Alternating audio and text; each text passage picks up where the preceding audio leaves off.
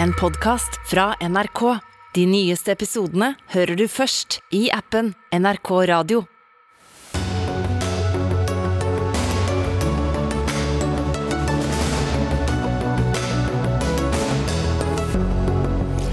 Fastlegeordningen som skulle sikre alle egen lege, fungerer ikke. 175 000 nordmenn mangler.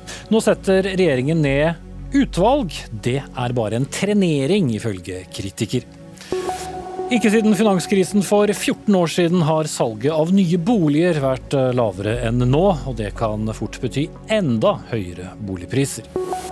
Burde staten få vite alt du handler på butikken, og når? Ja, det synes Statistisk sentralbyrå, men får et solid eh, klask på lanken av politiker. Og kjernekraft ja takk, eller fortsatt eh, nei takk. Skyhøye strømpriser gjør at debatten blusser opp igjen. Ja, da sier vi god aften. Velkommen til eh, Dagsnytt 18 torsdag. Jeg heter Espen Aas. Og Vi begynner med fastlegeordningen, som etter hvert har vist seg å være både mangelfull og kritisert. Nå skal den eh, gås gjennom av ekspertutvalg. For ifølge regjeringen så mangler nå 175 000 nordmenn en fastlege. Utvalget skal komme med konkrete forslag for å styrke ordningen. Men eh, resultatet, ja, det må vi da vente på. Dette er ingen gladnyhet, men oppfattes der ute som en, nok en trenering av å komme med de tiltakene som er nødvendige, skriver du, Siri Gulliksen Tømmerbakke, ansvarlig redaktør i Dagens Medisin, og med oss eh, fra Bodø. Hvis vi vet eh, hva som trengs, hvorfor er det ikke da igangsatt? Altså, jeg er ikke noen motstander av ekspertutvalget som sådan, men det her burde de gjort i fjor, når de kom til makta. Slik jeg tolker den pressemeldinga som kom fra regjeringa i dag tidlig, så det er en måte å kjøpe seg tid på før de bevilger eh, betydelige, men helt nødvendige midler til fastlegeordninga. Mm. Men er det altså så lett å løse, bare med penger? Nei, det er ikke lett å løse bare med penger, og det, det tror jeg vi alle er klar over. Men eh, for at man skal løse utfordringene med rekruttering, så er vi først nødt til å sørge for at vi klarer å beholde de fastlegene som vi har i dag. To av ti av dem er over 60 år. Eh, og uten å ha dem med på laget sånn eh, i nærmeste framtid, så, så, rakner hele ordninga. Og det, der, er vi, der, er vi, allerede i mange steder i landet. Mm. Men sier du da at vi egentlig ikke trenger eh, et utvalg? At det egentlig bare går ved? Vi veit eh, altså, Jeg har skrevet i en kommentar i dag at eh, det her mandatet det slår inn åpne dører. og det sier jeg fordi fastlegeordninga har eh, blitt evaluert og utreda utallige ganger før. Vi veit hva som er problemet, og vi veit hva som er løsninga. Og på kort sikt så er det rene penger, og ganske mye. Mm. Ingvild Kjerkol, helse- og omsorgsminister fra Arbeiderpartiet. Hvorfor trenger vi da å evaluere dette enda en gang?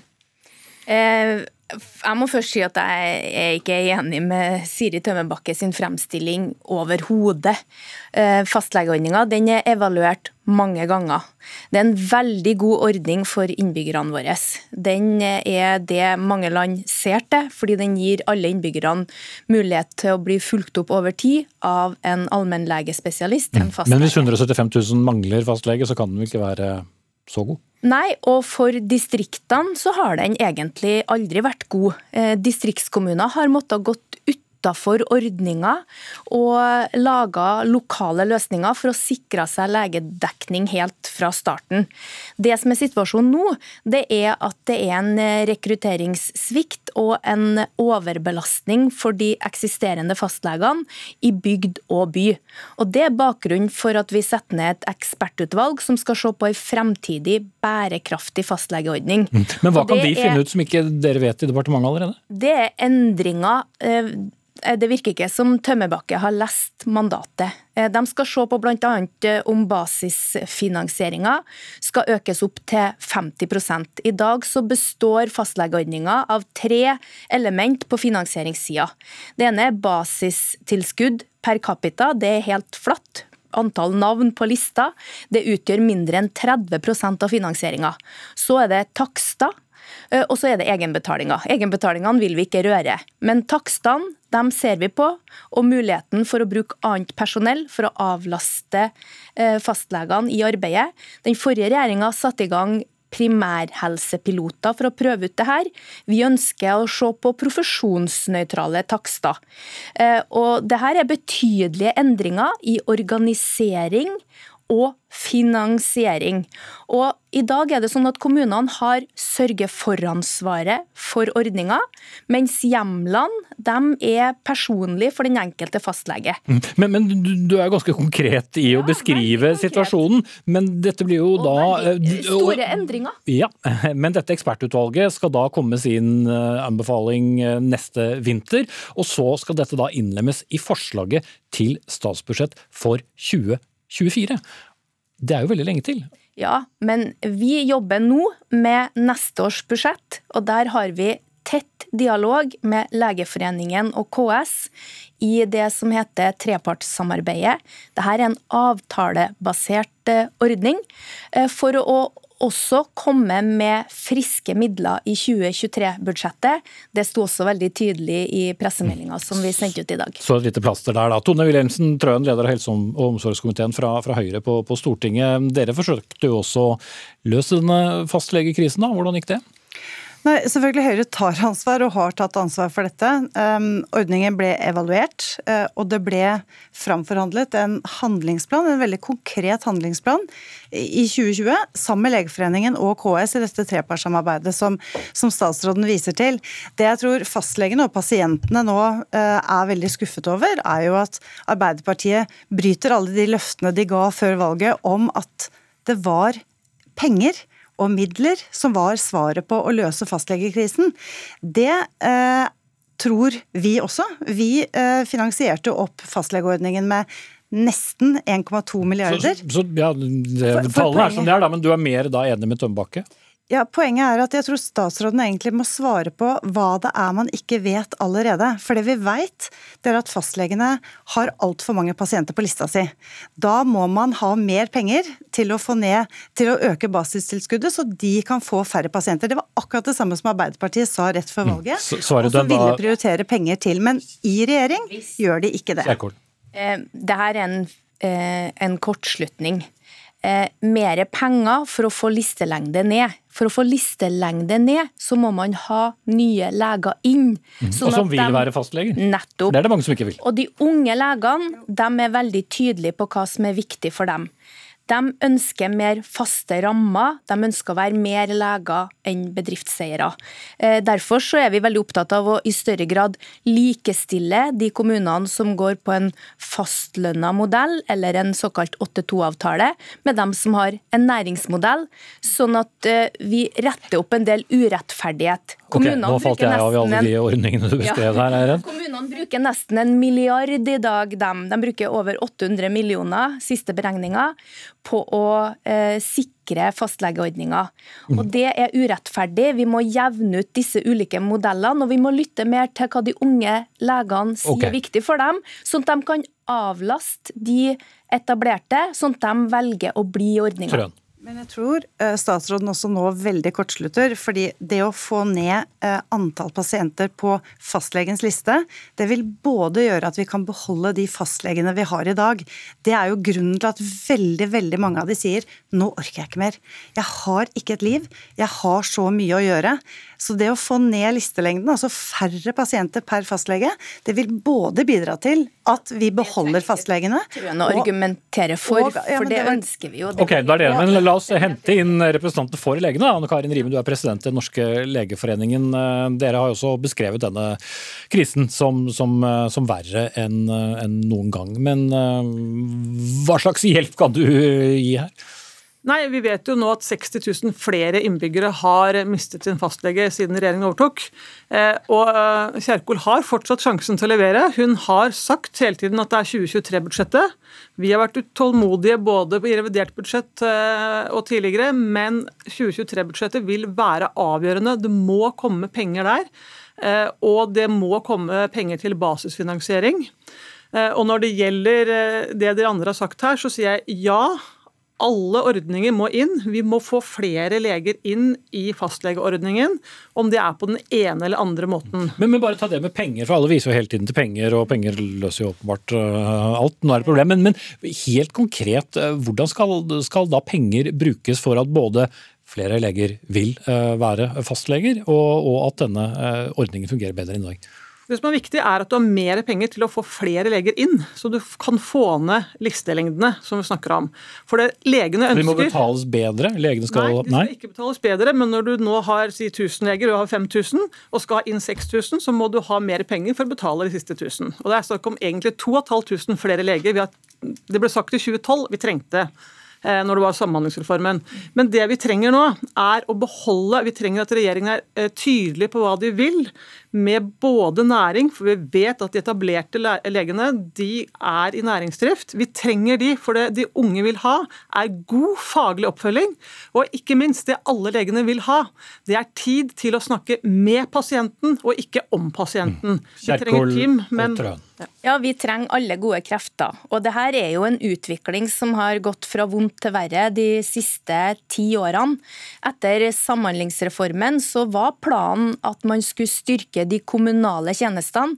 Langt mer avanserte problemstillinger løses i dag på fastlegekontoret. Eh, mm. Men hvis vi skal forsøke å se fremover, da. Ja. Ja. Og Derfor så er vi nødt til å se på både organisering, finansiering og hvordan vi sikrer faglig utvikling og, og bedre pasientsikkerhet. Mm. Men dette tar jo sånn tid? Det tar ikke så lang tid. Nå skal vi legge fram neste års statsbudsjett.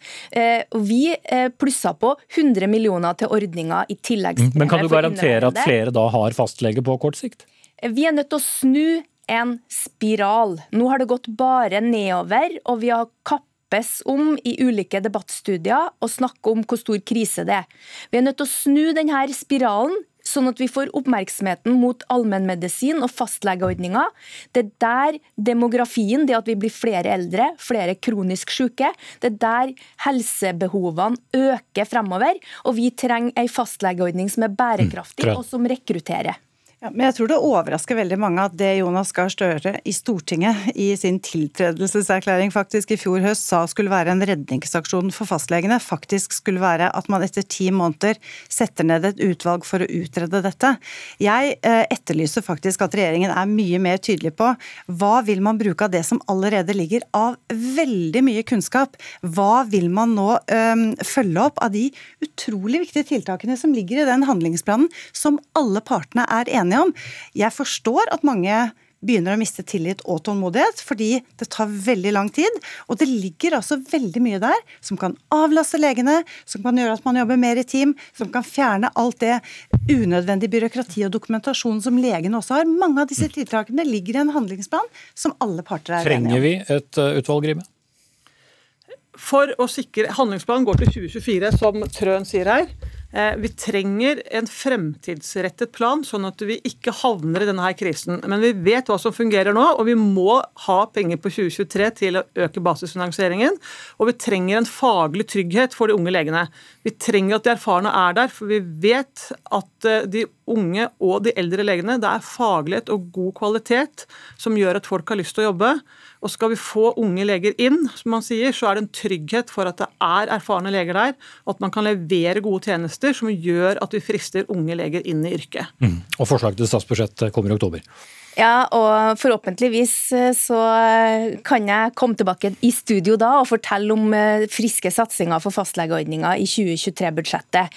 Men dette ekspertutvalget de skal jobbe hurtig, og det er nettopp pga. at det er så mye utredninger som allerede er gjort. Vi har så mye kunnskap. Så for å prioritere de riktige strukturgrepene, altså endre organisering, finansiering i ordninga, så trenger vi at Eh, noen ser på det helhetlig, og det er det ekspertutvalget skal gjøre. Skal Men kan du skjønne at folk første... blir utålmodige? Det har ja, vært utredninger, og så kommer det utvalg, og så øker listen. Ingen er mer utålmodig enn meg, programleder Arbeiderpartiet. Vi fremma et forslag i 2017. Den forrige regjeringa kom med en handlingsplan det nest siste året de satt i regjering. Dette er noe som har utvikla seg eh, med akselererende fart. Og vi ønsker å snu denne spiralen, sånn at vi sikrer en god og nær fastlegeordning i framtida, og de allmennmedisinske tjenestene i kommunen, okay. at de kan styrkes. Tamme Bakke, du har sittet og hørt på dette fra studio i Bodø. Ja, og jeg tror eh, det aller største problemet for eh, Støre-regjeringa når det gjelder fastlegeordninga, er, eh, er, at den avstanden mellom valgløftene og faktisk politikk er blitt så innmari stor. Vi skal redde fastlegeordninga først, sa Ingvild Kjerkol til Dagens Medisin på valgnatta. Og siden har det bare Det kom ikke midler som kunne gjøre at listelengden gikk ned i verken tilleggsproposisjon eller revidert budsjett. Men det kommer et budsjett nå? Det kommer et budsjett nå, men måten det kommuniseres på av eh, Støre og Kjerkol i dag, gjør at veldig mange fastleger er enda mer usikre enn de har vært på hva som kommer, og bekymra for hva som ikke kommer, eh, ikke minst. Og jeg har snakka med veldig mange fastleger i dag som nå, nå er der at nå De har vært eh, veldig optimistiske ved regjeringsskiftet og hadde trua på at nå ville det skje noe. Så har det gått fra sinne og frustrasjon, og i dag så vil jeg oppsummere fastlegene som resignerte, og mm. at de har gitt opp. Kan kvittere den ut til slutt, statsråd? Ja, jeg syns jo det er spesielt at en redaktør snakker på vegne av fastlegene. Nå sitter presidenten i Legeforeninga her. Som du refererte vel de som hadde snakket med? Ja, og jeg har òg snakka med veldig mange. Og mange av dem har vært opptatt av elementene i dagens ordning, at de ikke treffer arbeidsbyrden med det å være fastlege. Det skal det her ekspertutvalget se på. Og så bruker vi trepartssamarbeidet. Dette er en avtalebasert ordning, så vi er nødt til å forankre de endringene vi gjør. Eh, og der har vi god dialog med Legeforeningen og god dialog med KS. Mm. Ok, da er det ekspertutvalg på blå resept eh, inntil videre. Ingvild Kjerkol, helse- og omsorgsminister fra Arbeiderpartiet. Tone Wilhelmsen Trøen, stortingsrepresentant og leder av helsekomiteen fra Høyre. Anne Karin Rime, president i Legeforeningen. Og med oss fra Bodø, Siri Gulliksen Tømbakke, konstituert ansvarlig redaktør i Dagens Medisin.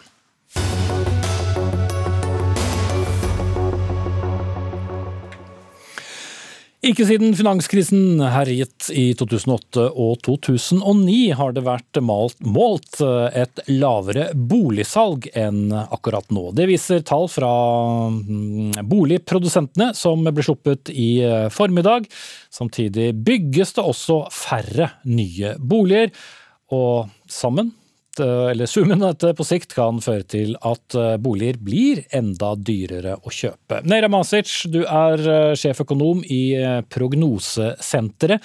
Altså både lavt boligsalg og færre nye boliger. Hvordan, hvordan henger dette sammen da? Ofte så er det jo sånn at salget av nye boliger faller først, og så ser vi at igangsettingen faller etterpå. Så det, det, fallende salget vi har sett hittil i år, det indikerer jo at igangsettingen skal eh, ned. Altså det vil bygges færre boliger fremover. Det har også ganske lenge vært vår prognose. Ehm, det er mange årsaker til at det er sånn. Hvis man skal prøve å oppsummere det kort, så er det de høye byggekostnadene og renteøkningene som gjør at, eh, at salget har dabbet av ganske mye. Hvorfor uh, blir det slik? De høye byggekostnadene, hvorfor de er sånn, det er en kjempelang historie. Men jeg kan prøve å oppsummere den kort. Det, dette er noe som startet veldig tidlig i pandemien. Ehm, da var det sånn at Produsenter av mange råvarer som man bruker inn i byggematerialene, og produsenter av byggematerialer de nedskalerte produksjonen sin fordi de trodde at etterspørselen ville falle. Og så kom det overraskende på alle at hele verden skulle pusse opp. Dette skjedde i USA, i Canada, her hjemme så vi det ikke minst. I hele Europa har eh, folk vært helt eh, oppussingsgale. Eh, og det har ført til at prisene på byggematerialer har økt, for da har tilbudet falt og etterspørselen har vært kjempesterk. Etter hvert så økte strømprisene, det gjorde det jo enda dyrere å produsere disse materialene. Og så ballet det på seg når det da kom masse problemer på logistikksiden, altså forsyningskjedeproblemer, som førte til at frakt ble dyrere, og disse byggematerialene kom ikke frem til butikkene i tide, og det var rett og slett mangel eh, på byggevarer. Så det har presset byggekostnadene opp. Og det vi nå ser er at eh, det, det veldig mange eh, boligprodusenter sier, er at det er vanskelig å regne igjen boligprosjekter alle andre steder utenom Oslo i Norge. Mm. Det vil si at de må jo øke utsalgsprisene på disse boligene for å få dekket sine egne kostnader. Og da begynner man å nå et såpass høyt prisnivå at det er mange boligkjøpere som faller fra. Og man klarer ikke å regne hjem prosjektene. Mm. Så, så. Så alle som nå eh, Nera Masic, har eh, håpet på det mange har snakket om, en utflating i boligprisene, også fordi det vil koste mer å, å, å låne penger, det er ikke nødvendigvis uh, slik det blir? På kort sikt så kan vi få til og med et lite fall i, i, boligprisene. Sånn utover høsten så er det vår prognose, i takt med at renta settes opp. Men på litt lengre sikt, fordi det som, det som selges av boliger i dag, det vil jo bli igangsatt eh, etter et par måneder, og så blir det ferdigstilt ca. to år etter det. Og Det er først når disse boligene er eh, ferdigbygd og ferdigstilles at de faktisk er en del av det reelle boligtilbudet. Så er denne boligtilførselen som da kommer etter et par år. Eh, når den endrer seg, så vil det slå inn på boligprisene. Så kanskje ja, fra to år frem i tid så vil man merke økt boligprispress igjen fordi tilbudssiden i, boligmarkedet da eh, vil bli lavere pga. denne lavere boligbyggingen. Og som alltid, ganske vanskelig å være den som, som treffer. Takk for orienteringen, Nere Masic, eh, sjeføkonom i eh, Prognosesenteret.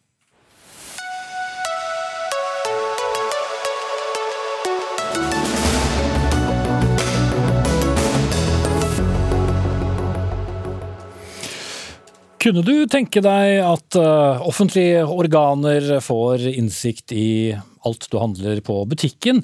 Ja, det vil i alle fall ikke de som selger varene. Norgesgruppen, Coop, Rema og Bunnpris sier nå eh, nei til at Statistisk sentralbyrå skal få dataene deres om hvordan du og jeg handler, hva slags varer vi kjøper, hvor mye de koster, når de er handlet og hvordan de betales eh, for.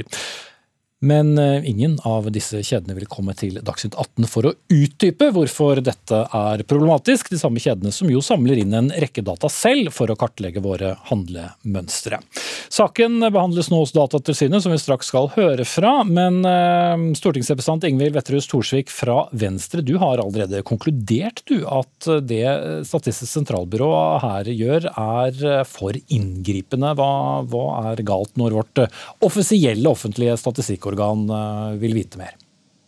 Altså, jeg vil ikke si at jeg har konkludert, men uh, her foreslår altså SSB å, å, samle statistikk. og Jeg forstår at intensjonen er god intensjonen er at det skal samles inn for samfunnsnyttige formål, men det reiser jo altså en hel del personvernrettslige spørsmål og utfordringer.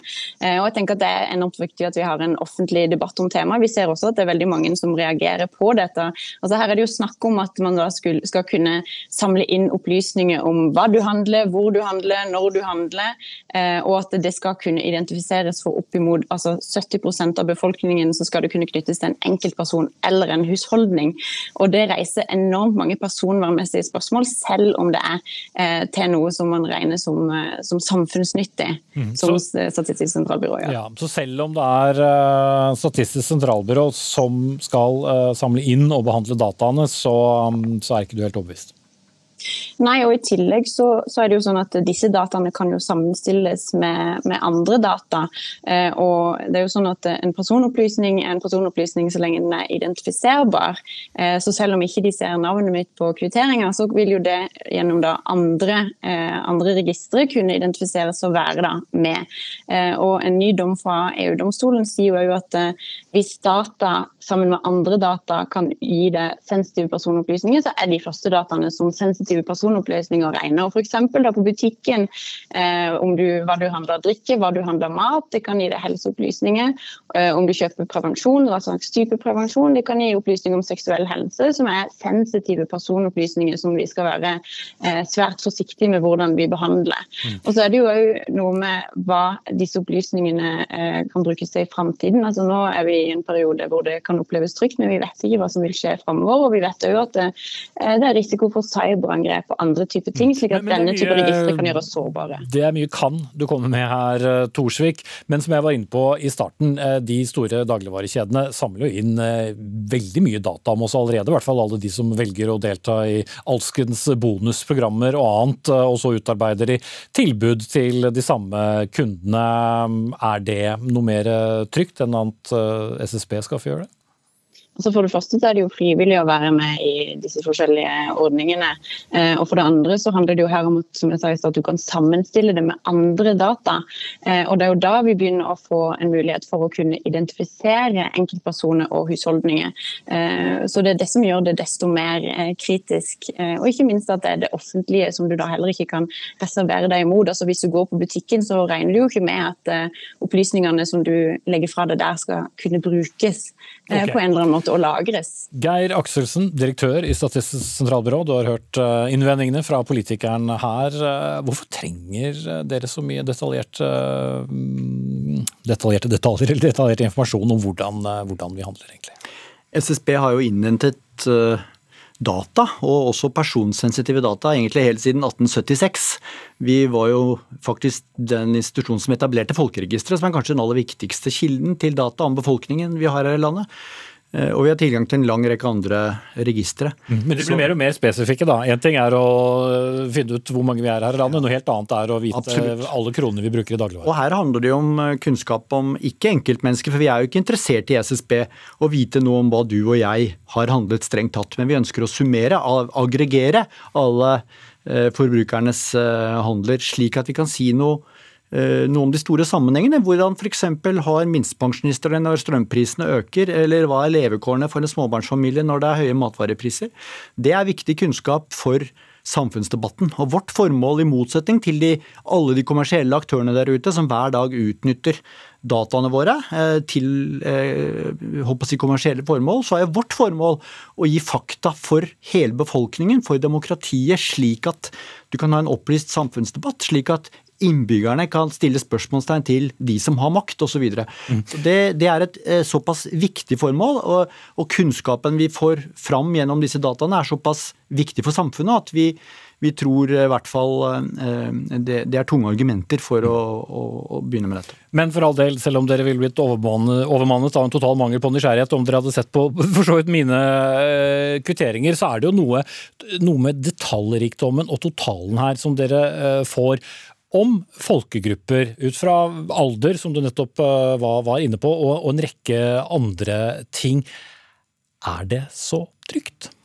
SSB har jo fått en fullmakt av våre folkevalgte, eh, også med støtte fra partiet Venstre, eh, til å be om opplysninger fra ulike kilder, også private. Men med det, den fullmakten har vi også fått en sterk forpliktelse, et ansvar for å behandle dette på en ansvarlig måte. Og det er klart at Personvernbekymringene som, som nettopp ble framlagt her, de må vi ta veldig på alvor. Og, og vi har jo en lang rekke sikringsmekanismer i SSB, og, og vi vil kontinuerlig evaluere kan vi begrense datamengden vi får inn? Eh, kan vi eh, gjøre det enda tryggere? Eh, og vi, vi har jo som sagt verken lov eller noe ønske om å overvåke enkeltmennesker. Det er de store sammenhengene for samfunnsdebatten vi er ute etter. Mm. Likevel, Janne Stang Dahl, kommunikasjonsdirektør i Datatilsynet. Dere går inn i, i denne saken, og hva er det dere trenger å vite? Ja, vi gjør det. Fordi dette er en viktig sak som vi ser at opptar også folk over hele landet. Og slik det fremstår nå i dag, så er det veldig spesifikke data, slik det ble sagt, om enkeltpersoners handlemønster som skal samles inn, og som også da kan krysses med andre dataregistre. Og mange mennesker i Norge er engasjert, og vi har jo også mottatt eh, en henvendelse fra Norgesgruppen eh, om bekymring for eh, personvernet her. Og På bakgrunn av dette så har vi tatt initiativ til å undersøke nærmere hvilke vurderinger Statistisk sentralbyrå har gjort når de velger å samle inn så mange hva skal vi si, potente data om oss. Og Vi er jo midt oppe i behandlingen av denne saken nå. Men generelt så ser det jo ut som det er snakk om mange data om ditt og mitt eh, private dagligliv. Som det også er nevnt, hva vi handler hos hvem og til hvilke tider. Og handling er for veldig mange en privat ting. Om det er brus eller øl eller sigaretter eller gulrøtter eller kondomer eller ansiktskremer eller bleier Du trenger ikke ta hele handlelisten din. ja. Men Jeg få frem at det er mye av det vi handler i dag som sier veldig mye om hvem vi er. Og vi vil se på at de nødvendige vurderingene etter personvernregelverket er gjort. Mm. Hva formålet er, hva nytteverdien okay, eh, Men det betyr også at eh, det kan bety en viss hva skal vi si, innskrenking eller begrensning av det SSB opprinnelig ønsket seg, da, eller? Eh, det må vi jo som sagt se på fordi saken er under behandling. og Vi vurderer jo nå det SSB har sendt inn. og Vi skal også ha et eh, møte om dette her, og vi vil se nærmere på alle disse spørsmålene. Mm. Jeg vil bare si at Vi ser positivt på at uh, dette blir en sak som Datatilsynet går inn i. Vi tror at det er viktig med offentlig debatt om denne type problemstillinger. Vi har fått et mandat som jeg sa fra gjennom lovverket, men, men det følger også en forpliktelse. Og, og, Gjennom klagebehandlingen og gjennom behandlingen i Datatilsynet så kan forhåpentligvis det også Eh, skape trygghet for at vi har en praksis som er forsvarlig. Og Hvis vi må justere, korrigere oss som følge av en sånn prosess, så, så, må vi ta det med fatning. Eh, det er viktig at vi har tillit til befolkningen for den statistikken og kunnskapen som vi skal formidle. Mm. Men hvis jeg da eh, absolutt ikke skulle ønske at dere skulle få vite hvor mye havregryn og øl jeg tyller i meg i løpet av et år, kan jeg da på noen som helst måte velge dette bort? Ja, Dine opplysninger vil uansett ikke bli tilgjengeliggjort. Eh, verken for våre medarbeidere når vi lager statistikken, eller for andre. Og vi deler jo selvfølgelig ikke informasjon om enkeltindivider med andre offentlige myndigheter heller. Statistisk sentralbyrå er et faglig uavhengig eh, organ, på linje med Datatilsynet. Eh, mm. Men, men, alle skal med, holdt jeg på å si, dersom dette går videre. Så, så man, kan ikke, man, kan ikke, velge dette bort. I likhet med andre offentlige registre så vil disse private datakildene eh, eh, bli brukt for oss når vi lager statistikk, og da vil vi jo sikre at personopplysninger ikke kan tilgjengeliggjøres for andre, selvfølgelig. Ok. Geir Aksesen, direktør i Statistisk sentralbyrå. Janne Stangdal, kommunikasjonsdirektør i Datatilsynet. Og Ingvild Wetterhus Thorsvik, stortingsrepresentant eh, fra Venstre. Så får vi se om vi, vi blir så nervøse dette at vi legger om handlemønstrene våre helt.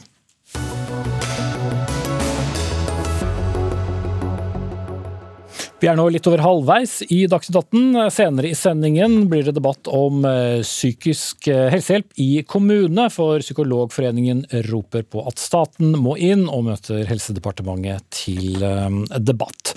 Det er kanskje ikke så mange som har tenkt over den skolestreiken som har vart gjennom hele sommerferien. Og den har jo for så vidt til nå også kun rammet Norges nest største by, Bergen, hvor 50 lærere er i streik. Men den streiken trappes nå opp og vil spre seg utover landet og ramme langt flere kommuner og elever og familier i det skoleåret skal eh, starte opp. Tre lærerorganisasjoner gikk ut i streik i juni etter at de ikke godtok tilbudet fra meglingen med arbeidsgiverforeningen KS, som altså representerer da landets kommuner. Det var bakteppet. Steffen Handal, leder av Utdanningsforbundet. Dere sitter nå og planlegger eh, denne utvidelsen for, for deres del og ditt eh, forbund. En streik som har vart i om lag to måneder. Ingenting har skjedd. Hva forventer du skal eh, skje nå? Nei, Nå forventer jeg at vi kommer til å trappe opp streiken, og at effekten av den vil bli veldig synlig. Dette er en streik som var helt nødvendig. Vi har en arbeidsgiver som har gjort lærerne til lønnstapere i seks oppgjør på rad. Og det gjør de i en situasjon hvor vi mangler tusenvis av lærere. Nesten hver femte person som underviser i norske, norske klasserom, mangler lærerutdanning. Mm. Men dere går da også på noen som også har sakket eh, akterut en stund, eh, nemlig eh, elever som har vært gjennom pandemi og, og mer til. Bare tenk deg å sitte der ved slutten av meklingen og, og liksom avveie om man skal gå til streik eller ikke i den situasjonen. Våre medlemmer er jo de som vet best av noen hvor hardt disse barna har blitt rammet gjennom to år. Det var en veldig tung avgjørelse å, å velge streik eh, som virkemiddel, men arbeidsgiveren vår har valgt å gjøre oss til lønnstapere i en situasjon hvor det er skrikende behov for lærere. Og det å ikke gjøre noe med det, det vil ramme elevene på sikt. Når nesten hver femte person som underviser i norske klasserom ikke har lærerutdanning, når eh, søknaden til lærerutdanningen går ned, og vi ser at de som jobber i skolen er lei, de er demotiverte, de føler seg ikke verdsatt og vil slutte.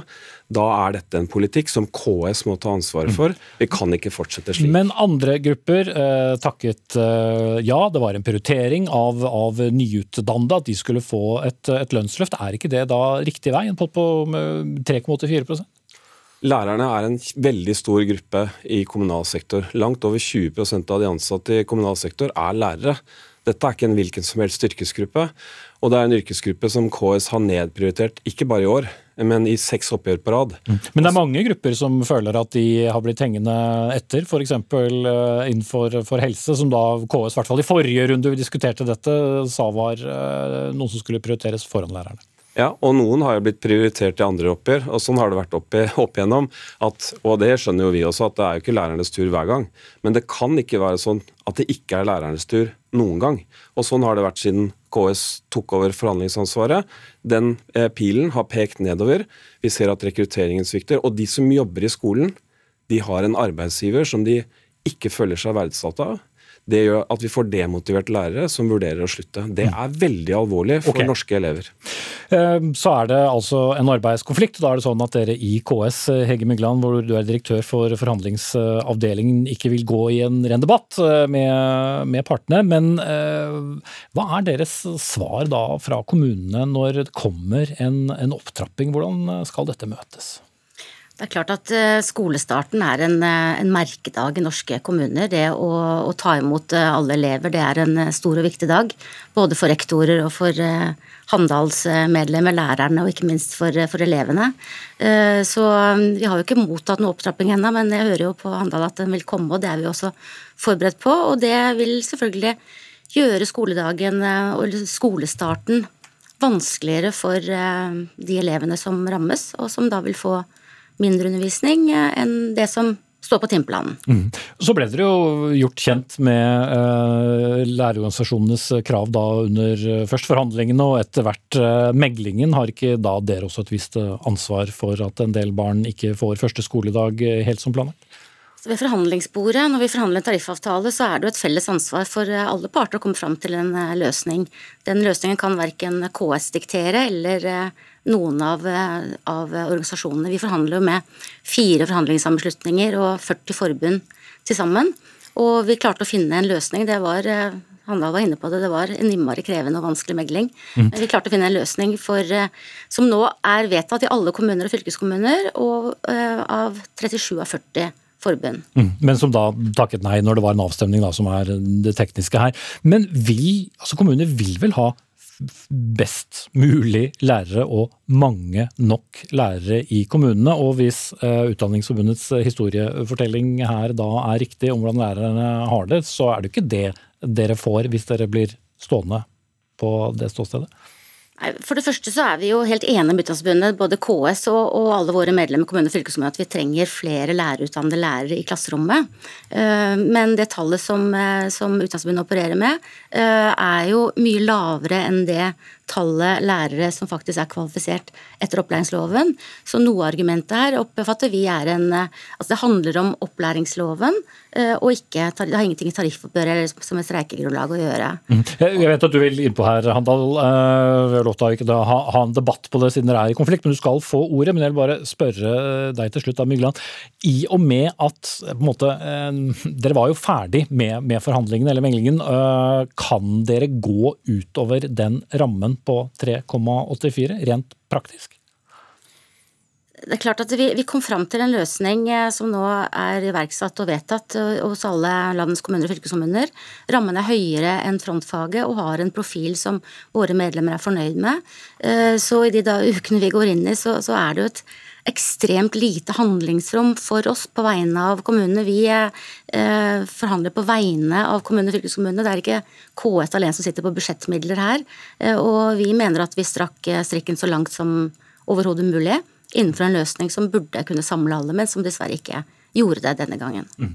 Ja, eh, Handal, det er jo som vi vet et noe betent forhold mellom dere og, og arbeidsgiversiden her, men dere kan jo også få på sikt et litt betent forhold også kanskje i folk, hvis dette blir en stor og langvarig streik? Det forstår jeg godt. En streik vil jo alltid ramme en tredjepart. Og vi skal gjøre alt vårt for å begrense effekten av streiken, eh, særlig for de som trenger det aller mest. Men eh, det er verdt å merke seg at Hege Mygland her peker på opplæringsloven. Eh, og når hun sier at våre tall ikke stemmer, så støtter hun seg til en formulering i opplæringsloven som lar arbeidsgiver tilsette andre enn lærerutdannede til å undervise.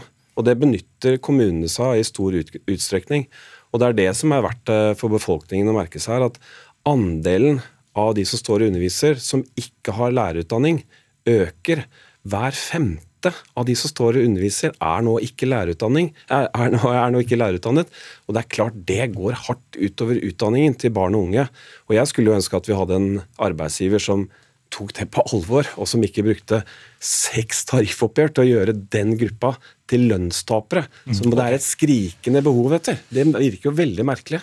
Eh, det hadde jo vært spennende å kunne fortsette med dette med debatt, men eh, vi, vi stanser der. Eh, Steffen Handal, leder Utdanningsforbundet, og Hegge Mygland, direktør for forhandlingsavdelingen i KS. Og så har det kommet også noen opptrappinger fra andre. Norsk Lektorlag tar ut 20 medlemmer ved Ås videregående skole fra og med 17.8, og 10 medlemmer ved Bergen katedralskole fra og med mandag. Og i første omgang blir det da streik der altså førstkommende mandag, og så venter vi på opptrappingsplanen fra Utdanningsforbundet. Takk, Sara.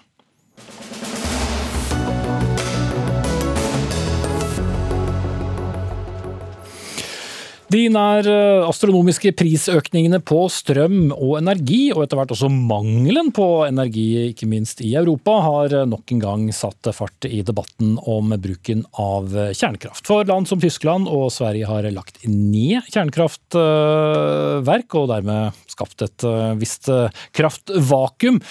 Men nå bør også Norge begynne å satse på kjernekraft. Det mener du, Jonny Hesthamar, tidligere geologi og geofysikkprofessor, og du jobber nå som administrerende direktør i olje- og gasselskapet M West Energy.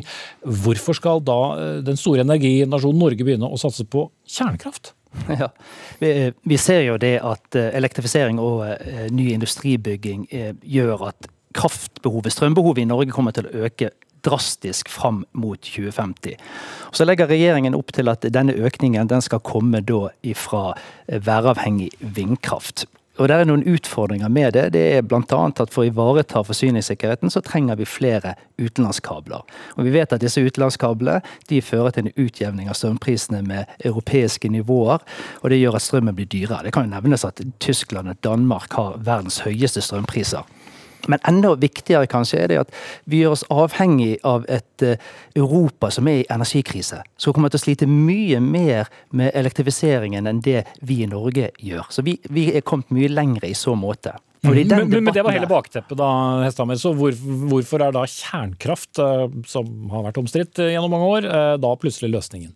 Ja, fordi at det kan bidra til at vi sprer risikoen, ikke vi legger alle eggene i samme havvindskorg. At vi kan ivareta forsyningssikkerheten på en bedre måte. At vi kan gjøre oss mindre avhengige av utenlandskabler, som gjør at vi kan få reduserte strømpriser. Og ikke minst at kraften kan produseres der den trengs. Det betyr at vi mindre naturinngrep, eh, eller det vi kaller monstermaster her på Vestlandet. Mm. Og en del avfall vi må håndtere. Ja, og det avfallet det mener EUs vitenskapspanel at det kan håndteres helt trygt. Og så er det veldig viktig her, da. Vi har 17 tonn med radioaktivt avfall allerede fra operasjonene på Kjeller og Halden-reaktorene. så Vi er nødt til å håndtere det. og Da kan vi lage et litt større anlegg, og så kan vi ta hånd om avfallet på en trygg og god måte for videre kjernekraftproduksjon. Mm. Ja, det var vel egentlig en slags introduksjon til deg, Ole Kristian Reistad. Du var sjef for Norges eh, siste og eneste atomreaktor ved Institutt for energiteknikk, du som ble lagt ned for eh, var det, tre år siden. Eh, hvorfor er Eller, eller hvordan møter du eh, argumentene til eh, Hesthammer her om hvorvidt dette da er en, en god løsning? Eh, nei, kjernekraft er en helt ok kraft, det. Det skal jeg være med med Hesthamar på. Ja, for, for Fordelen med kjernekraft eh, først og fremst er nettopp hva? Fordelen med kjernekraft er jo at det er forholdsvis kompakte anlegg. Eh, og, eh, og, så er det jo det at det er eh, leveringssikkert. De rusler og går ganske en, etter en ganske Kompakte anlegg i den forstand. Vi trenger ikke å gjøre store inngrep som man må gjøre med en del andre utbygginger. Nei. Nei. Eh, og, og, og, mye energi. Og mye energi. Mm. Men så nevnte Hesthammer også dette med, med avfall. Det med avfall og det med sikkerhet. Det er så visst et tema fortsatt. Mm. dette med ulykker. Mm. Og Truls Gullovsen, leder av Naturvernforbundet, ingen, uh, ingen tilhenger av kjernekraft, bare for å, å slå fast uh, det. Men uh, nærmest alle forslag om hvordan vi skal øke energiproduksjonen i Norge, møtes jo med, med skepsis. Er da kjernekraft noe, noe verre enn f.eks. å bygge ut store vindparker til lands eller havs? Eh, Naturvernforbundet er jo krystallklare på at eh, vi ikke mener at det trengs eh, kjernekraft i Norge, at vi ikke bør bygge det. At risikoen knytta til både avfall, uranbryting og, og, drift er for stor.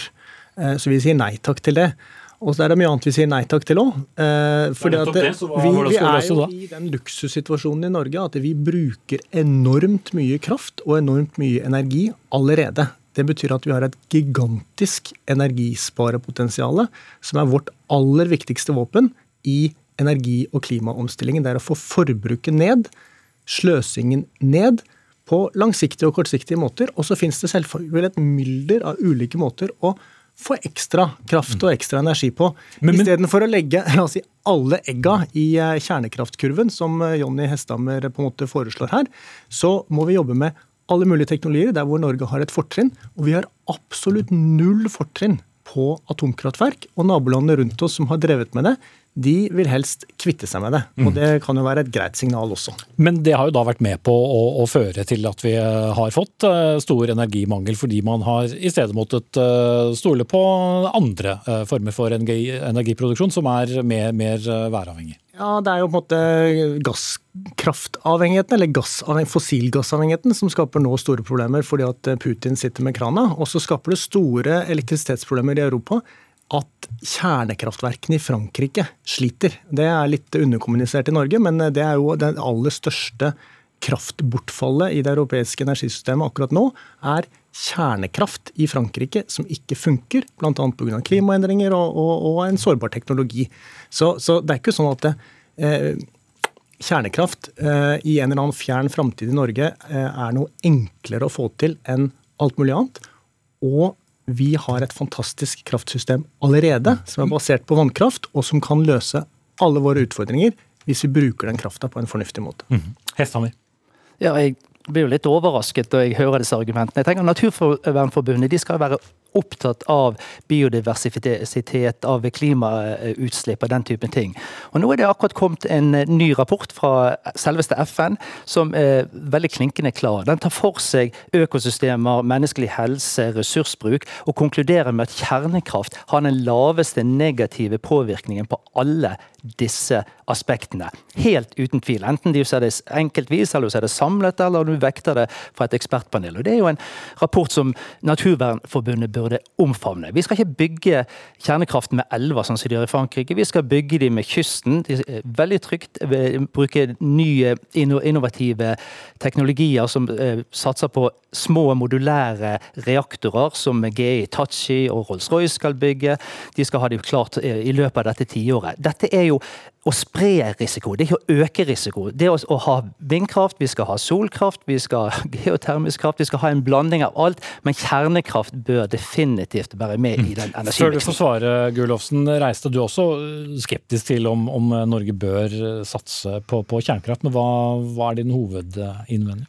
Nei, jeg har levd i en virkelighet av kjernekraft. Og jeg har levd hver dag med å streve å få tak i enten ungdommer til å jobbe hos meg, for det vil de ikke. Det er ikke noe fremtid. Jeg har strevd med å få tak i en industri som ikke finnes, og som strever med å forholde seg til et norsk særregime, for dette er nasjonale regimer rundt kjernekraft i dag. Det er ikke et europeisk regime som kanskje kunne bidratt til at Europa kunne satset på kjernekraft. Så kjernekraften har ikke nådd eh, det nivået som det må for at det skal være enkelt å satse på det i Europa, kanskje på en kostnadseffektiv måte. Mhm, så Norge er rett og slett eh, ikke klar? Norge er absolutt ikke klar der vi er nå. Mm. Men eh, Gullofsen, det høres jo fint og flott ut at hvis vi bare er mer energieffektive, så har vi løst det hele. Men eh, jeg tror ikke noen styrende myndigheter eller politikere kommer til å lene seg på det alene. Så noe vondt må vi kanskje velge. Nei, så lenge vi skal være en del av et europeisk eh, marked som trenger mer kraft. Nå er det jo sånn at det, altså, Energieffektivisering og energisparing er grunnplanken i alle klimaløsningsmodellene som skisseres av alle eh, IPCC og alle mulige andre rapporter.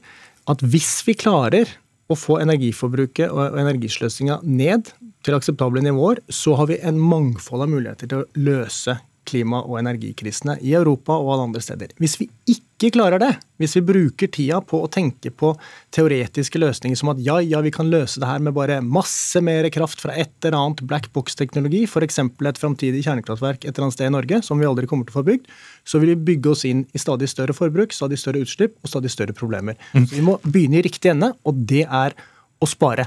Også jo, men Det skal da skje parallelt. Jo, men Bare slenge det i din, din miks. Altså, det skal også foregå et, et, vedtatt politisk grønt skifte.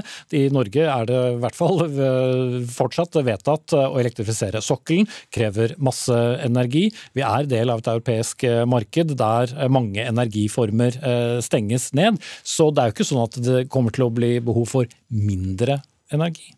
Ja, jeg tror jo ikke det er sånn at uh, vi skal bruke verken norsk natur eller, norske, eller bygge norske kjernekraft for å si, forsøke å løse Europas problem alene. Nei, må, sånn, hvert, hvert, land må ta ansvar for sin egen energiforsyning, og jeg tror det er bra at vi samarbeider om det med, med utveksling på en fornuftig måte. Sånn. Ikke fullstendig nedtapping som man har drevet med i det siste, men hvert land må jobbe med sine naturgitte fordeler.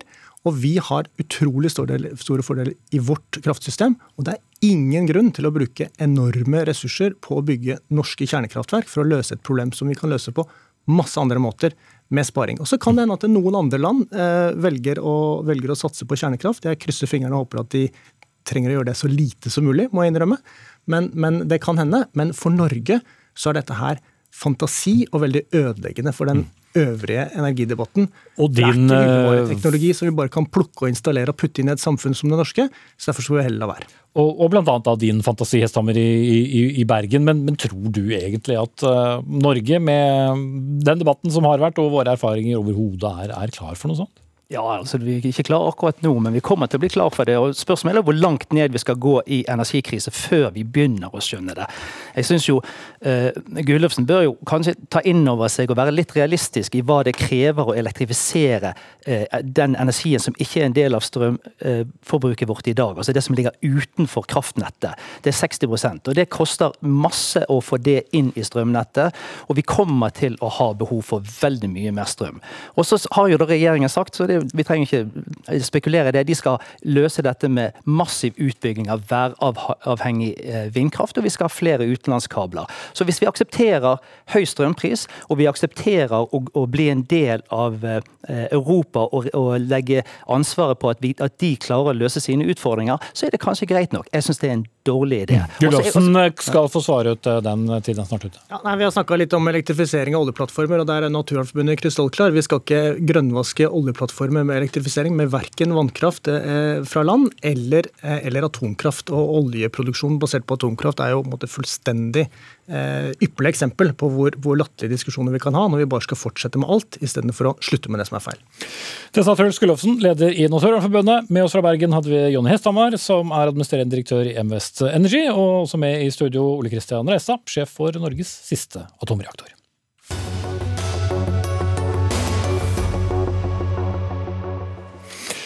Til slutt i Dagsnytt 18 om uh, psykologhjelp uh, i kommunene. For nå rykker Psykologforeningen ut og sier at staten må bidra mer til å finansiere psykologstillinger i kommunene. For behandlingstilbud for de med psykiske lidelser har alvorlige mangler. Og Håkon Skar, president i Psykologforeningen, hvordan skal en slik modell skille seg fra hvordan det er i dag? Mange vil si at mange av pengene til psykologstillingene i kommunene i dag kommer uansett fra staten. Ja, man kan godt snakke om de ulike postene på statsbudsjettet. Men øh, hvis man skal si på hvordan dette skal organiseres, så er det veldig lett å se på de ordningene som allerede er. Fordi at man har allerede ordninger som delfinansierer både legekompetanse og fysioterapeutkompetanse i kommunene. Eh, sånn det vi mener er at det bør være en tilsvarende ordning som gir befolkningen tilgang til øh, kompetanse innenfor psykisk helse i kommunen. Og den forrige regjeringen innførte et lovkrav om at denne kompetansen skulle finnes i kommunen. Men de var ikke da villige til å gjøre noe mer enn å innføre en midlertidig tilskuddsordningen. Mm. Og, og, og, i praksis i dag, bare for å forklare det, hva, hvordan fungerer det da ikke etter ditt syn? Måten det ikke fungerer på, er at eh, som Statistisk sentralbyrå har dokumentert, så har antall kommuner som har tilsatt psykolog, gått ned selv om dette lovkravet er innført. Og kommunene er åpenbart eh, ikke i stand til å rekruttere psykologer på egen hånd, basert på frie midler. Sånn at vi tenker at det å skape en insentivordning som kommunene selv kan søke på, eh, for å kunne rekruttere psykologer, sånn som de kan rekruttere leger, sånn som de kan rekruttere fysioterapeuter, vil kunne hjelpe på den rekrutteringen, og også bidra til å styrke primærhelsetjenesten, som vi jo har fått dokumentert tidligere i sendingen, er under sterkt press. Mm. Karl Christian Bekking, statssekretær i Helse- og omsorgsdepartementet fra Arbeiderpartiet. Hørtes ikke dette tilforlatelig enkelt eh, ut for å løse det problemet? Ja, nei, Det høres jo bra ut å styrke psykologkompetansen i kommunene. Jeg tror både Skard og jeg er enige om at eh, vi trenger å styrke psykisk helse i kommunene bredt. Det er også derfor regjeringen nå jobber med en opptrappingsplan for psykisk helse, som jeg anser dette som en, et slags innspill til, i tråd med mange andre gode innspill som har kommet fra Psykologforeningen og andre. Eh, en ting som jeg eh, syns er vanskelig derimot, er dersom man skal begynne å binde dette konkret til enkelte profesjoner. For det er klart, når vi har snakket med for f.eks. barne- og ungdomsråd rundt omkring i kommunene, så sier de at det også er andre yrkesgrupper som de veldig gjerne ønsker seg som en del av en satsing på lavterskel psykisk helse. Helsesykepleiere, miljøterapeuter, sosionomer, også mm. psykologer, selvfølgelig. Jo, jo, men hvis da eh, resultatet av dagens ordning er eh, det at folk står på lange, lange ventelister der det er få psykologer, eh, eller må betale for den hjelpen ut av egen lomme for å gå privat, er det noe godt system? Det er absolutt ikke noe bra at uh, man må gå privat for å få psykologhjelp. Men her må vi også tenke litt på, uh, og i en slik opptrappingsplan må vi jo tenke nøyere gjennom uh, hvilke oppgaver skal være kommunens, og hvilke oppgaver skal ligge til spesialisthelsetjenesten. Og skal da jo også flere ganger påpekt at det er stor mangel på psykologer, psykiatere, spesialister i psykisk helsevern til de pasientene som kanskje trenger det mest.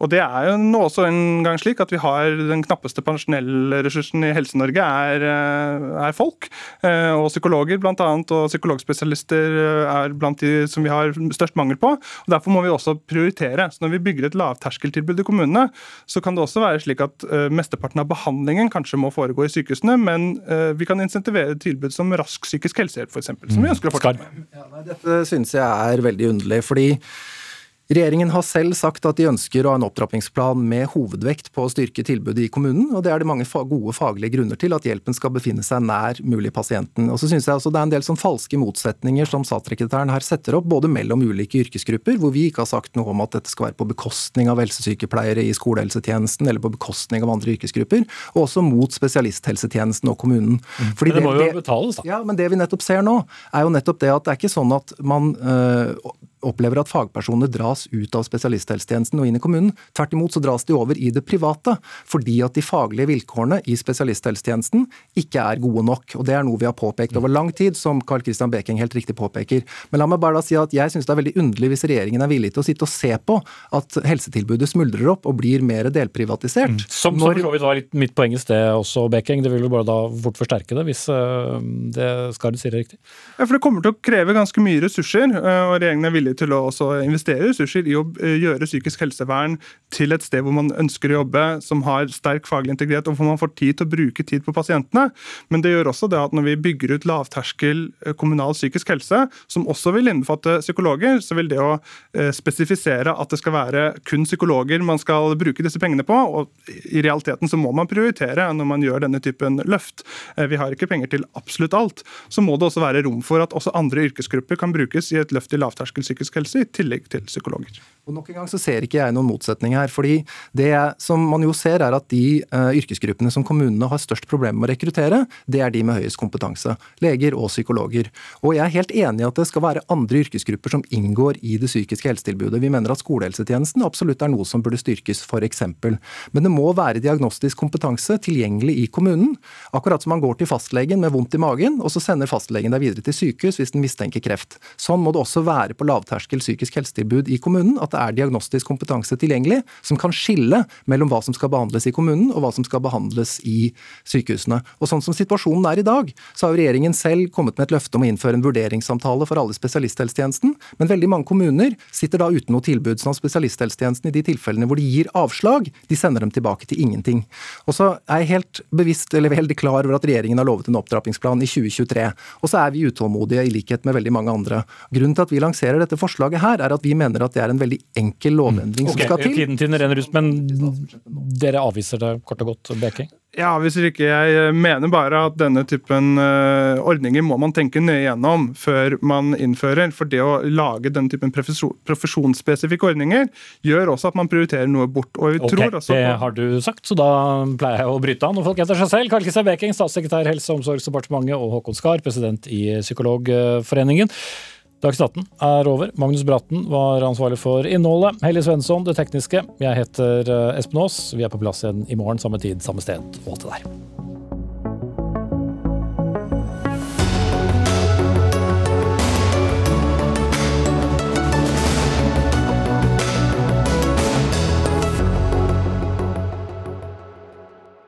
Du har hørt en podkast fra NRK. De nyeste episodene hører du først i appen NRK Radio.